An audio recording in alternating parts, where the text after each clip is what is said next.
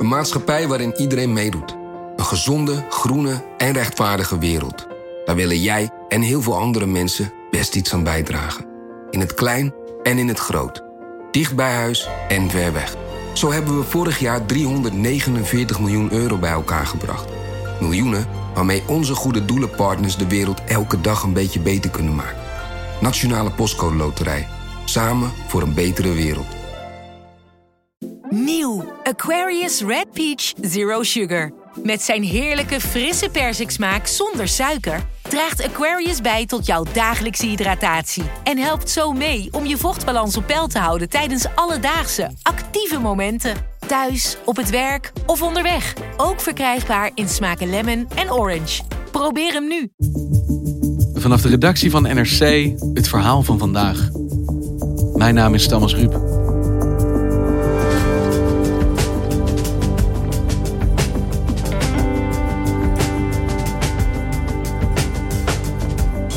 Hij lijkt er dan toch echt te komen. De corona-app. Vandaag maakt minister Hugo de Jonge bekend wat de toekomst wordt van deze zogeheten coronamelder. Techjournalist Rick Wassens heeft hem al op zijn telefoon, als een van de weinigen in Nederland. Maar of de app ook werkt, is nog steeds niet duidelijk.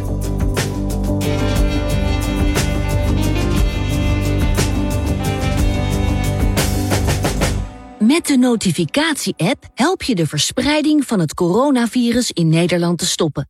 Veilig en anoniem. Voor jezelf en anderen. Oké, laat maar zien. Ja, dus, dus je start hem voor het eerst op. De eerste tekst is dan bescherm je vrienden, familie en de rest van Nederland. Deze app waarschuwt nadat je in de buurt bent geweest van iemand met het coronavirus. En dan uh, krijg je wat ze dan noemen onboarding. Dus je hebt een aantal scènes die dan, uh, je kan er even doorheen swipen. En je hebt dan een aantal scènes waarin ze eigenlijk uitleggen hoe, hoe het zou moeten werken. Wat het idee erachter is eigenlijk. Mag ik eens kijken? Ja hoor. Als je dus die hele uitleg hoe die app werkt uiteindelijk doorloopt, kom je op een scherm waarin gevraagd wordt om toestemming te geven voor de hele essentiële werking van deze app. Ja, ja precies ja. Uh, blootstellingsmeldingen voor COVID-19 inschakelen, zegt hij dan. Dan krijg je weer een hele uitleg. Ja. Als je dan op inschakelen drukt, dan kom je op het homescherm eigenlijk van de app. Daar staat de app is actief. De app is actief. Oh ja, ik zie zo van die gaat niet meer de poppetjes die je altijd op een of andere manier bij een soort publieke voorlichting ziet. Ja, je ziet een, uh, een vrouw met een hoofddoek op een fiets en een, een, een jonge man die uh, koffie drinkt en zo. Het is een hippe Starbucks koffiebeker en ja. Ja. En waarom heb jij hem al? Want niemand heeft hem verder zo'n beetje. Nee, nee dus, dus, dit is echt. Het ministerie zit nu in de laatste fase van een hele scala aan, aan toegankelijkheidstesten, gebruikerstesten. Dat gebeurt in Twente door ongeveer 1500 mensen, zo'n dwarsdoorsnede van de samenleving, je kent het wel. Tegen welke problemen lopen ze aan? Snappen mensen het? Dus dat zijn 1500 mensen in Twente geselecteerd en jij. Ja, ik en een aantal andere techjournalisten in, uh, in Nederland. En betekent dat dan ook dat jouw telefoon nu elk moment kan gaan piepen met je hebt misschien corona? Je hebt in de tram gezeten met iemand? Nee, die functionaliteit hebben ze nog uitgeschakeld. En hij is er dan dus nu. Ik kan hem zien op je telefoon. En ik ben eigenlijk ergens verbaasd dat hij er überhaupt gekomen is. Ik had het idee in mijn hoofd op een of andere manier dat het hele project alweer gigantisch mislukt was. Ja, er zit natuurlijk een ingewikkelde voorgeschiedenis aan. Dan gaan we even terug de tijd in. En het is dan nog, uh, volgens mij is het dan april ongeveer. En uh, dan hebben wij op de voorpagina van de krant een groot stuk over een Britse studie van de Oxford University over de corona tracing apps. En die studie zegt eigenlijk op basis van een simulatie. Als je maar genoeg mensen zover krijgt om zo'n systeem te installeren, dan hoef je daarnaast hoef je niks anders te doen aan bronnen en, bronnen en contactonderzoek. Dus dan hou je daarmee hou je die hele epidemie onder controle. En je snapt dat die premisse zo aantrekkelijk is voor virusbestrijders, dat het OMT gelijk opdracht geeft om te onderzoeken of er zoiets is voor Nederland. En hoe begon dat? Dat begon allemaal best wel gehaast. Wat ze deden is dat ze een marktconsultatie uitschreven, marktverkenning. We zijn op zoek naar slimme digitale oplossingen voor de bestrijding van, de, van corona. Stuur je voorstel in. Dan had je vier dagen om je ideeën in te sturen. Uh, en 700 mensen, bedrijven sturen ideeën in. Van die 700 hebben ze toen in drie dagen tijd hebben ze er zeven gemaakt. En dat werd dan in een weekend werden die voorgelegd aan het publiek in een weekend wat het de Appathon is, is gaan heten. Goedemiddag. De zeven bedrijven die mogelijk de officiële corona-app gaan maken... zijn vanochtend begonnen met het presenteren van hun plannen. De apps worden vandaag en morgen gepresenteerd in deze livestream op YouTube. Een zogenoemde Appathon. Het werd allemaal uitgezonden op, uh, via internet. Mensen konden meekijken, mensen konden stemmen. Welkom bij deze livestream en welkom bij de Appathon. 48 uur lang, vrijdag, zaterdag en zondag, werd het, uh, op in de hallen van het ministerie van Volksgezondheid. Liepen al die ontwikkelaars rond, allemaal experts, allemaal juristen en zo. Allemaal, allemaal verschillende hokjes. Ik was daarbij. En het was een soort van knotsgekke snelkookpan. En we zijn aangekomen bij het laatste gedeelte van deze livestream op het ministerie van VWS tijdens de 48 uur durende Appeton.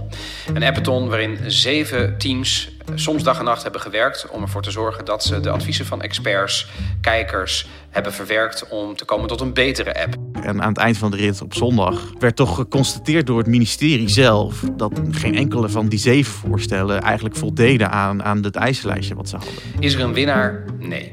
Zijn we er nu? Nee. De conclusie van die Appeton was eigenlijk dat het ministerie zei van nou, we hebben gewoon overschat hoe ver de markt was. Dus ze waren in de veronderstelling, zeggen ze nu, dat in de markt al een soort van panklare oplossing zou liggen. Die we wel even konden kopen en, en konden in gebruik konden gaan nemen.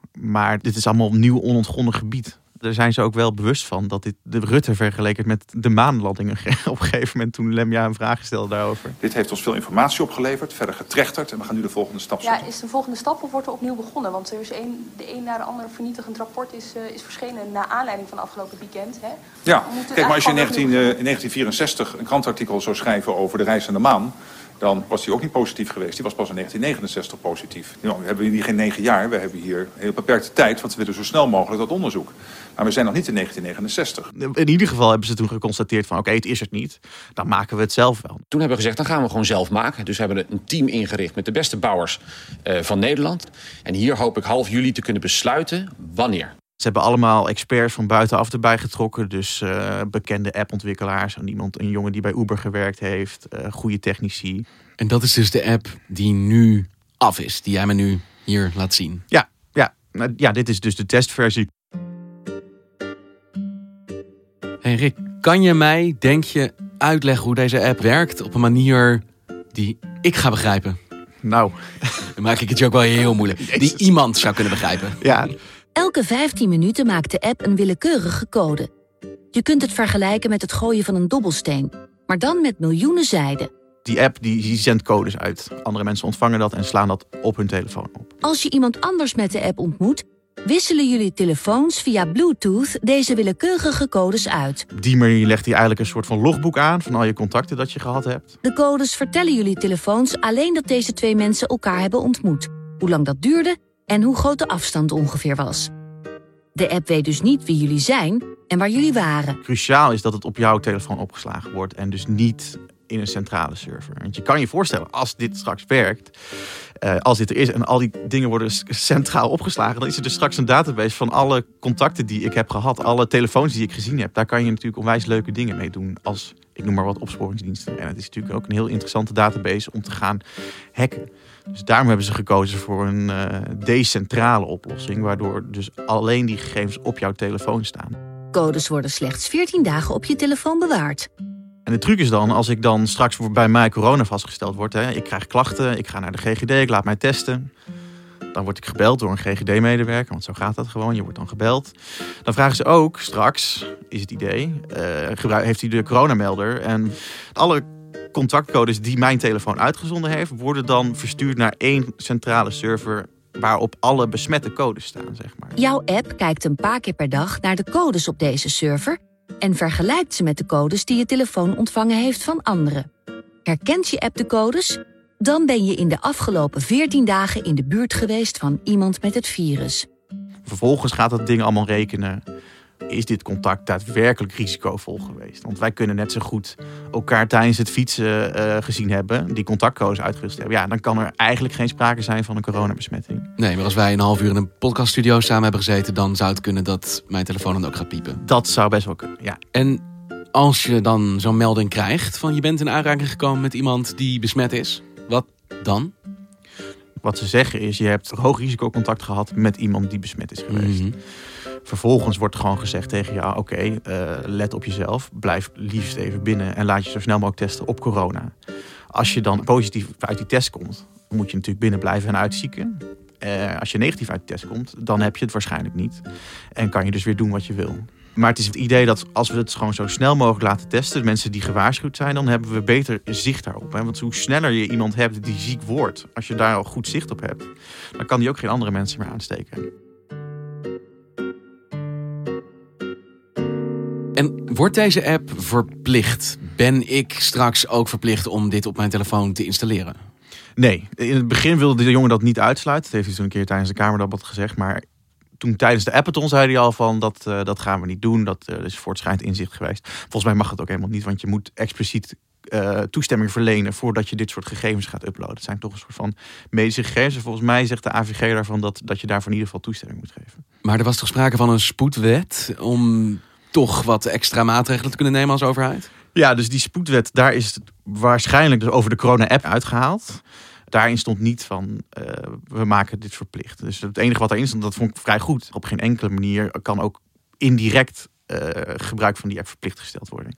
Maar dan is het slagen van deze app, denk ik, afhankelijk van of mensen bereid zijn om deze te installeren. Maar gaan mensen dat wel doen? Wat de onderzoeken zijn, hè, dus dat, het is ook een beetje lastig, want die app is er dus niet. Dus je vraagt aan mensen om te oordelen over iets wat er niet is. Maar er zijn een paar wetenschappelijke onderzoeken gedaan. En wat daaruit voorkomt, is dat er eigenlijk drie duidelijke groepen zijn. Dus één groep, eh, nee, we gaan het niet doen.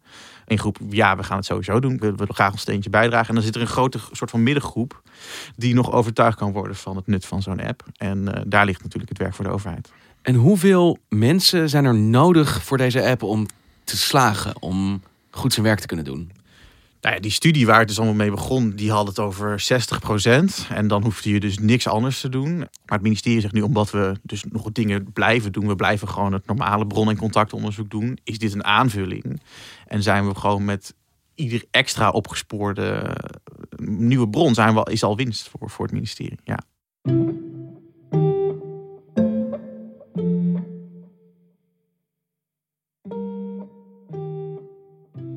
En de mensen die nu al zeggen dat ga ik sowieso niet doen, die zijn ook gevraagd waarom. Dat, dat zit vooral in de hoek van eh privacybezwaren.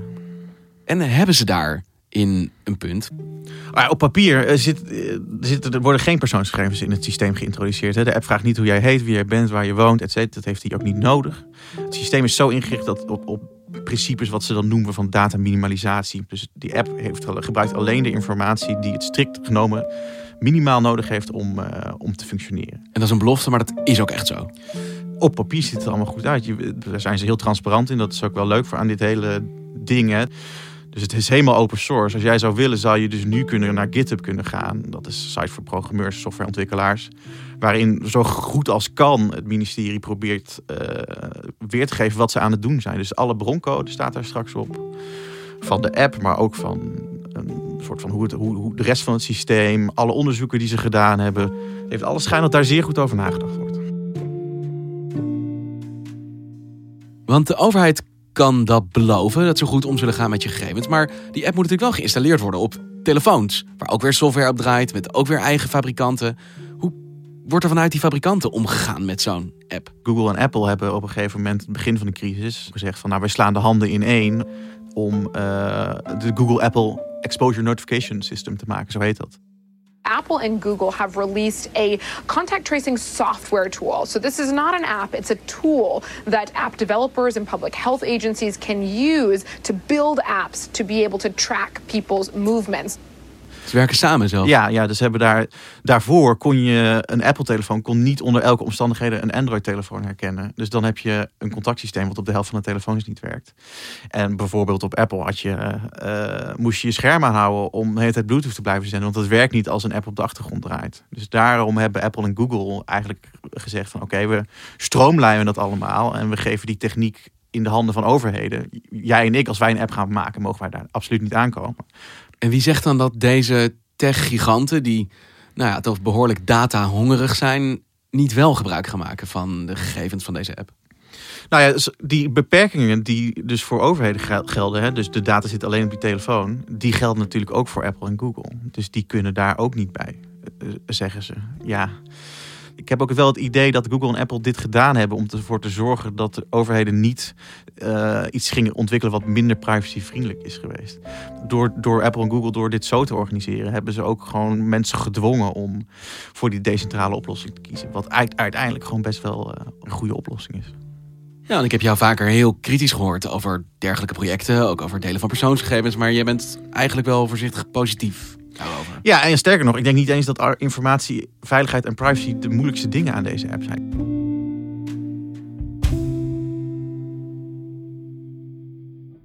Want wat is dat dan wel, denk jij? De grootste zorg is of het wel werkt, eigenlijk. We hebben het over afstand meten en nabijheid meten eh, via Bluetooth. Is dat nauwkeurig genoeg? Kan dat goed genoeg? Dit is een app waarvan eigenlijk nog niet duidelijk is of hij ook gaat doen wat hij moet doen. Nee, en sterker nog, ze zeggen ook dat die epidemiologische waarde noemen ze dat dan. Hè. Is die app daadwerkelijk effectief in de bestrijding van het coronavirus? Is gewoon nog niet aangetoond. Daar hebben ze wel, dat kan je gewoon experimenteren in een laboratoriumsetting. Ze hebben daar uh, militairen van een eh, CBRN-centrum in Vught heet dat dan. En dat gaat dan over chemical warfare en zo. Daar hebben ze gewoon testlocaties, een bioscoopsetting hebben ze nagemaakt, een tram. Daar hebben ze de militairen die app gegeven en die gaan dan op anderhalve meter zitten en wat verder weg en zo. En, en in hoeveel gevallen hebben ze toen gemeten, heeft die app ook daadwerkelijk goed gewaarschuwd. En dat is dan in drie op de vier gevallen. Drie op de vier gevallen in dit militaire rollenspel was die nauwkeurig? Ja, in drie op de vier gevallen werd je gewaarschuwd als dat moest en niet gewaarschuwd als dat niet moest. En er is een begeleidingscommissie van wetenschappers die onderzoekt of dat hoog genoeg is. Die brengen nog een rapport uit, dat komt nog. Uh, maar ze zeggen al wel, uh, dat, dat moet omhoog. Kijk, dat het 100% nauwkeurig is, dat, dat hoeft waarschijnlijk ook helemaal niet. Hè. Het moet nauwkeurig genoeg zijn. Maar hoe dat precies werkt, dat heeft natuurlijk enorme consequenties als het niet goed genoeg is en als mensen het niet als goed genoeg ervaren. Het gaat ook op hoe mensen daarmee omgaan met zo'n waarschuwing, hoe ze daarop reageren. Hoe gaan we ermee om als je straks twee keer wordt gewaarschuwd, weet je wel? Wat, wat zijn de gedragseffecten daarvan?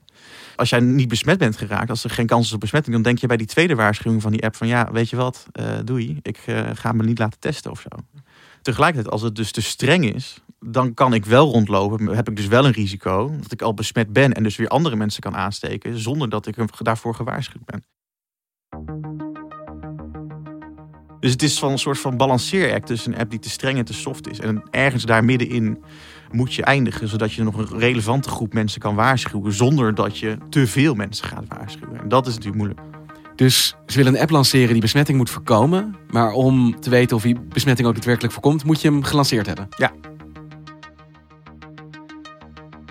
En vandaag gaan wij dus horen of deze app in gebruik genomen gaat worden. Het kan ook zomaar een nee worden vandaag. Ja, als het goed is horen we dus vandaag. De jongen heeft gezegd uh, 15 juli uh, besluit ik of, hoe en wanneer het ingevoerd wordt. Vandaag horen we dat dus. Of het vandaag echt gaat gebeuren, dat weet ik niet. Uh, een van de dingen die de jongen wilde wegen in zijn oordeel was dus een advies van de autoriteit persoonsgegevens.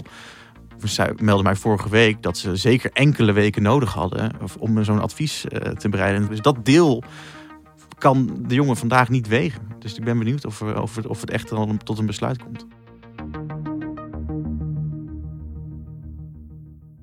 En als er vandaag over een paar uur inderdaad een ja komt, dit wordt de app, we gaan hem invoeren. Wanneer moet dat dan gebeuren? Wanneer kan ik hem ook op mijn telefoon hebben met die mooie plaatjes die je liet zien? Waarschijnlijk wordt hij na de zomervakantie ingevoerd. Dat is, dan wordt het weer wat spannender in Nederland, is de verwachting. En jij, als deze testfase voorbij is en na de zomer de echte app komt, ga jij hem dan ook op je telefoon zetten? Ga jij hem gebruiken?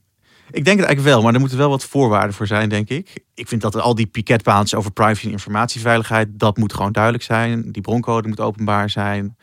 En wat ik ook belangrijk vind, is dat er een soort van sunset clause is. Dus dat we zeggen. Um, wat? Uh, een sunset clause, zo noemen ze dat. Dat, dat. dat we op een gegeven moment zeggen van onder deze voorwaarden.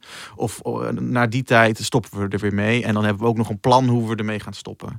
Dan uh, schakelen we hem allemaal uit. En dan gooien we al die data weg. En dan, dan hebben we het niet meer nodig. Omdat we de ziekte dan de baas zijn of zo. Dus niet dat we, dat we dan opeens over een jaar nog steeds die app hebben of zo. Dus volgens mij moet dat, moet dat ook duidelijk zijn. Dus eigenlijk als deze app alle beloftes nakomt die nu zijn aangekondigd, dan zeg je dan installeer ik hem. Maar dan moet dat wel allemaal zeker zijn. Ja, dan, dan zou ik het doen. Dan zou ik doen ja. Kijk, ik ga gewoon jou hier volgen. Je weet er meer van. Als jij zegt, ik ga hem installeren. Als al deze afspraken worden nagekomen, dan doe ik het ook. Oké, ik zal je op de hoogte houden. Dankjewel, Rick. Geen probleem. Je luisterde naar vandaag, de podcast van NRC. Eén verhaal, elke dag. Dit was vandaag. Morgen weer.